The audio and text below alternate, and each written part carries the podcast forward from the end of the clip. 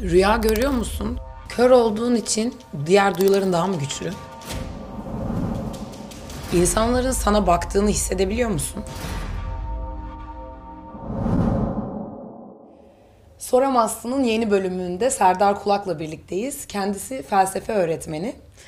Hoş geldin Serdar. Hoş bulduk. Merhabalar. Biraz kendini tanıtır mısın bize? Ee, kendimi tanıtayım. Ben Serdar Kulak. İstanbul Üniversitesi Sosyoloji Bölümü mezunuyum.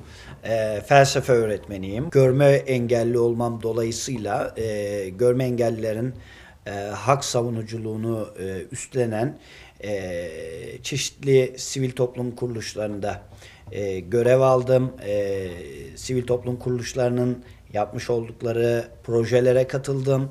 Yani bu konuda elimden geldiği kadar e, aktif olmaya e, çalışan e, biriyim gönüllü olarak. Daha birçok şey var da e, kısaca böyle söyleyebilirim. Kör, ama, görme engelli. Hangisini tercih ediyorsun? E, benim e, bununla ilgili e, herhangi bir tercihim yok. E, çünkü insanlar e, farklı e, kültürel yapılardan gelebiliyorlar.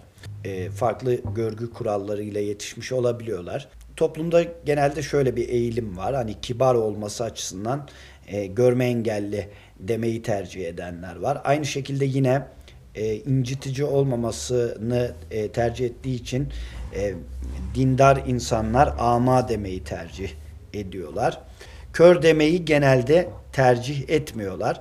Ama bence bunun bir e, önemi yok. Burada önemli olan e, karşınızdakinin sizinle e, size ne dediği değil, sizi nasıl algıladığı bence. Gözlerin var mı? E, benim e, doğuştan e, görme engelliyim ben.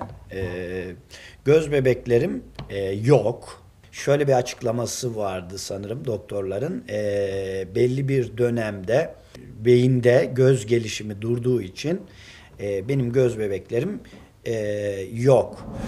Kör olduğunu fark edince insanların davranışı değişiyor mu? E, şöyle benim gibi biri için hem biraz önceki söylediğim gibi göz bebekleri olmayan ve her zaman bastonunu kullanan birisi için e, birinin yani sonradan fark etmesi gibi bir durum söz konusu olmuyor. İnsanların sana baktığını hissedebiliyor musun? Hayır. e, bir de şöyle bir şey var. E, yani ben total kör olduğum için e, bana baktıklarını e, hissetmiyorum.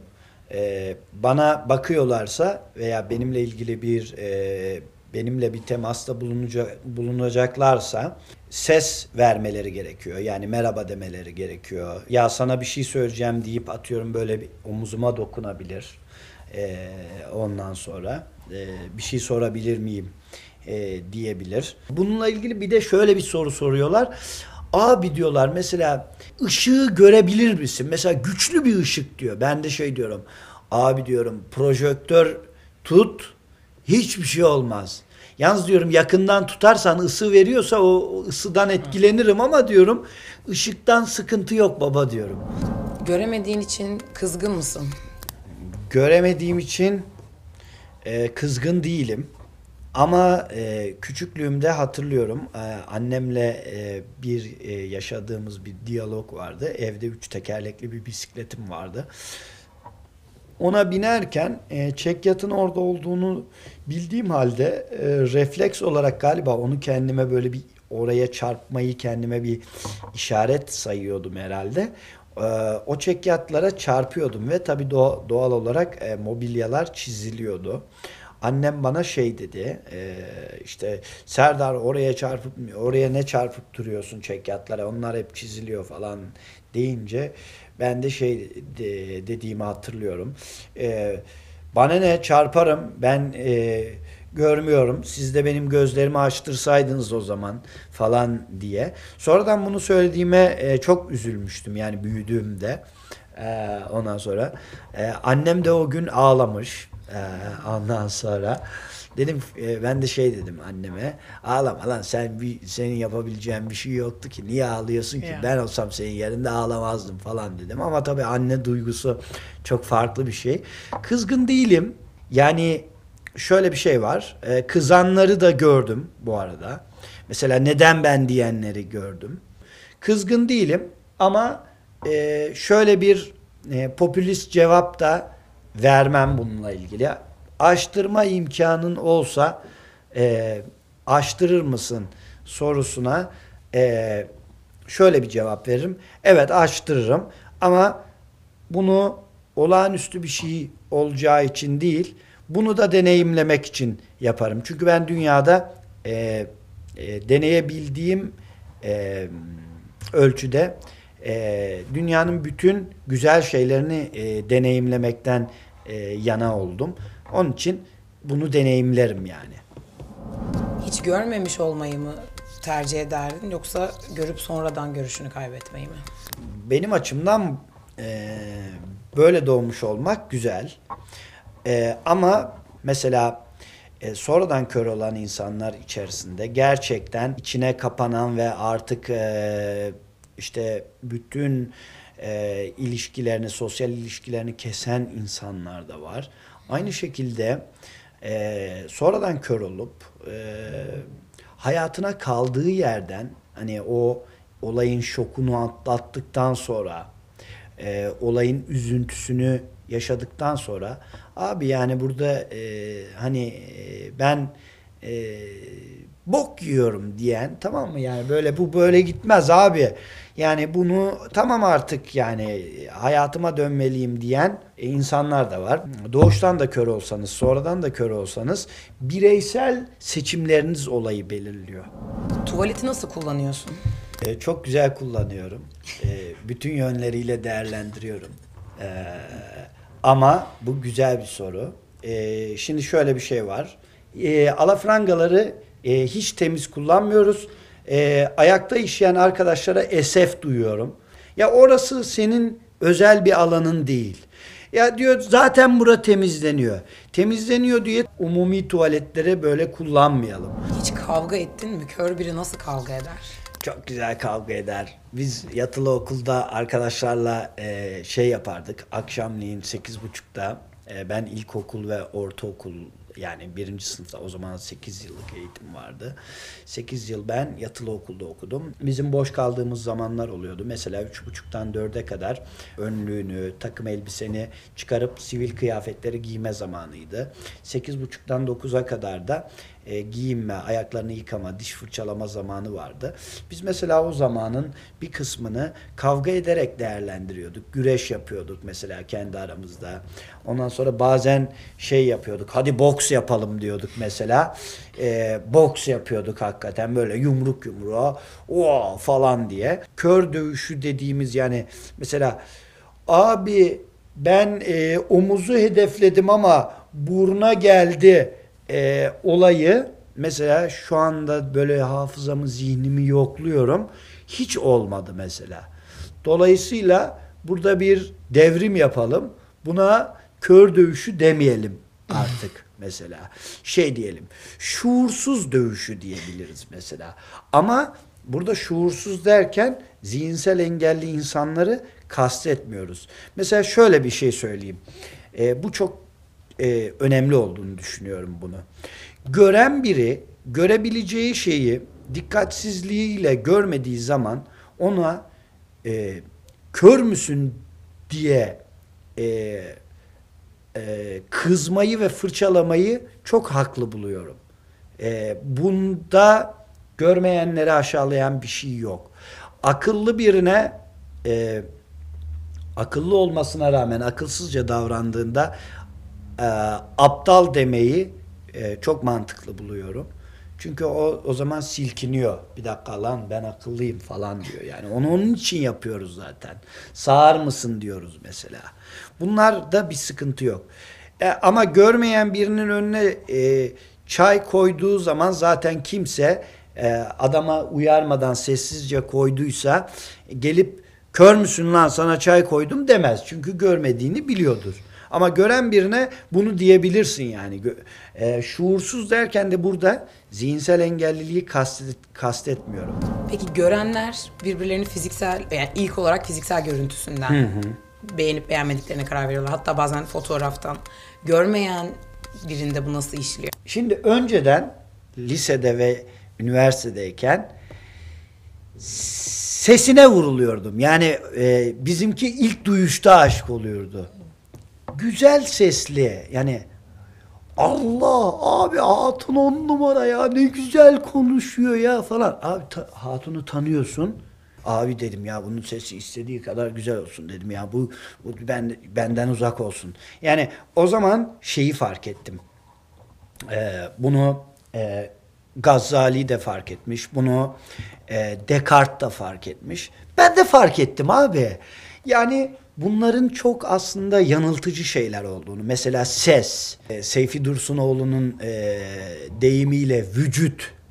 Abi vücut güzel olabilir, ses güzel olabilir. Sesine aşık olma, e, vücuduna aşık olma, ayakkabısına, statüsüne aşık olma. Beraber birlikte zaman geçirdiğinizde eğlenebiliyor musunuz, gülebiliyor musunuz? Hoşça vakit geçirebiliyor musunuz? Veya zor durumlarında senin arkanda durabiliyor mu? E, Veya sen onun arkasında durabiliyor musun? Bu karşılıklı bir şey. Kör olduğun için diğer duyuların daha mı güçlü? E, ses ölçümleri yani işitme ölçümleri yapılsa e, işte veya koku alma ölçümleri yapılsa veya tat e, duyusu ölçümleri yapılsa benim de birçok görme engellinin de diğer insanlarla aynı olduğu ortaya e, çıkacaktır ve çıkmıştır zaten. E, fakat şöyle bir şey var güçlü değil. Daha güçlü değil ama daha fazla kullanıldığı için e, mesela ben seslere daha duyarlıyım veya kokuya daha duyarlıyım. Çünkü mesela biz birbirimize yol tarif ederken görmeyen birine bir, bir arkadaşımıza arkadaşıma ben yol tarif ederken şöyle tarif ediyorum. Abi kaldırımdan otobüsün gidi- gittiği yöne doğru dümdüz git. Birinci aradan karşıya geç o sokağa girme. ikinci aradan da girme. Üçüncü aradan gireceksin. Zaten orada ekmek fırını var. Ekmek kokularını duyarsın mesela. O ekmek kokularını duyduğunda oradan hemen sokağın araya gir diyoruz mesela. Şimdi çünkü e, hani daha güçlü değil ama daha çok kullandığımız için bunlarla ilgili daha dikkatliyiz. Rüya görüyor musun? Görüyorsan nasıl görüyorsun? Ben rüyamda da aynı bu şekildeyim. Mesela bu sandalyeyi inceledim. Mesela yarın akşam burada röportaj yaptığımı rüyamda görürsem aynen hiç görmüyor olacağım. Buraya oturacağım. Elimle bu sandalyelere dokunacağım. Ee, seninle konuşacağım. Ee, ama görmeyeceğim. Şöyle diyebiliriz. Rüya yaşıyorum diyebiliriz. Rüyamda metrobüs kullanıyorum ilginç bir şekilde.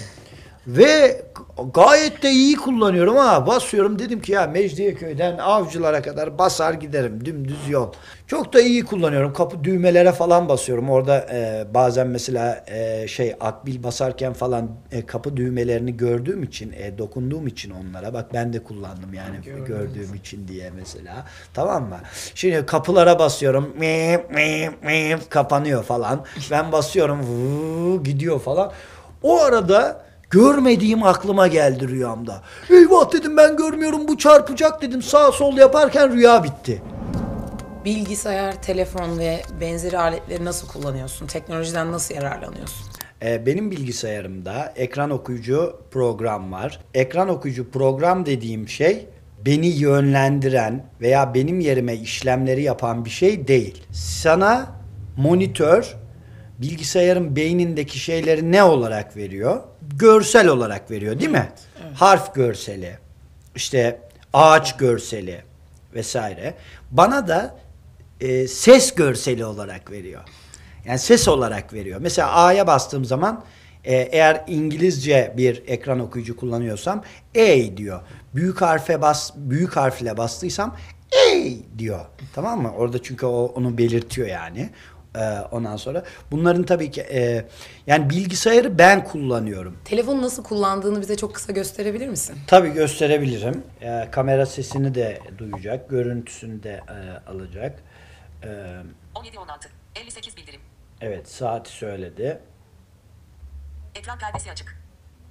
Ekran perdesi kapalı. Şimdi e, 11 Şubat burada Pazartesi. süpürme hareketiyle hepsini bize söylüyor ama ben konuşmasının sesini 808 yavaşlatayım biraz. %61. %56. Evet. WhatsApp. 16 dakika önce. Ahmet olacak. WhatsApp. grup sahadan 20 dakika önce A milli takım Lucescu ile yollarını ayırdı. Bir de mesela mesajı nasıl yazıyoruz? Mail. Onu da bir göstereyim. Burada M Braille diye bir uygulamamız var. Görme engeller Braille yazı kullanıyor diye söylemiştim. Braille yazı e, Et 6 ismi. noktadan oluşur. Bununla ilgili e, arkadaşlar e, bakıp bilgi edinebilirler. Mesela ben buraya e, yazıyorum. Büyük harf. S, O, N, A, Sonya. B, E, L, A, Z, A, N, birazdan. O, T, Z, Z, O. B, Ü, S, E, otobüse. B, E, N, M, E, Ş, binmiş. O, L, A, C, A, Ü, Ö, M, Nok, olacağım. Bunu yazdım. Birazdan otobüse binmiş olacağım. S, M, S, S, M, S. S, O, N, Y, A, SMS nokta SMS yazıyorum. Sonya diyorum. Sonya. Mesaj. Buradan düzenleniyor. Mesaj ekranı açıldı. Burada göndere. E, Gönder. Düğme. Mes- Gönderilen klavye yerleşimi. tıkladığımda Sonya'ya gidiyor bu mesaj. Yolda gördüğümüzde sana yardım etmeli miyiz? Yani burada sorulacak temel bir e, temel soru görmeyen kişiye e, yardıma ihtiyacınız var mı sorusudur. Buna da e, insanlar e, farklı tepkiler verebilir.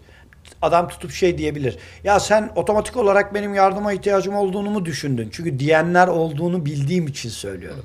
Şimdi o adamın bu söylediği şey bana göre yanlış. Çünkü bir insana yardıma ihtiyacınız var mı diye sormak çok nazik ve değerli bir sorudur. Kişiye yardıma ihtiyacın var mı diye sorduğunda eğer e, hayır teşekkür ederim diyorsa adamı bırak git.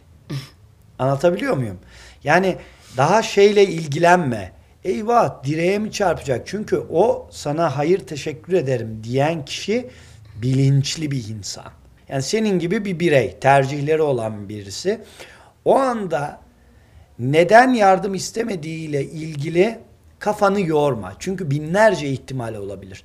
O anda kafası bozuktur, yalnız yürümek istiyor olabilir, orayı çok iyi biliyor olabilir, e, birini bekliyor olabilir. E, soru güzel ama ha- hayır cevabını aldıysan Israr et. yoluna git.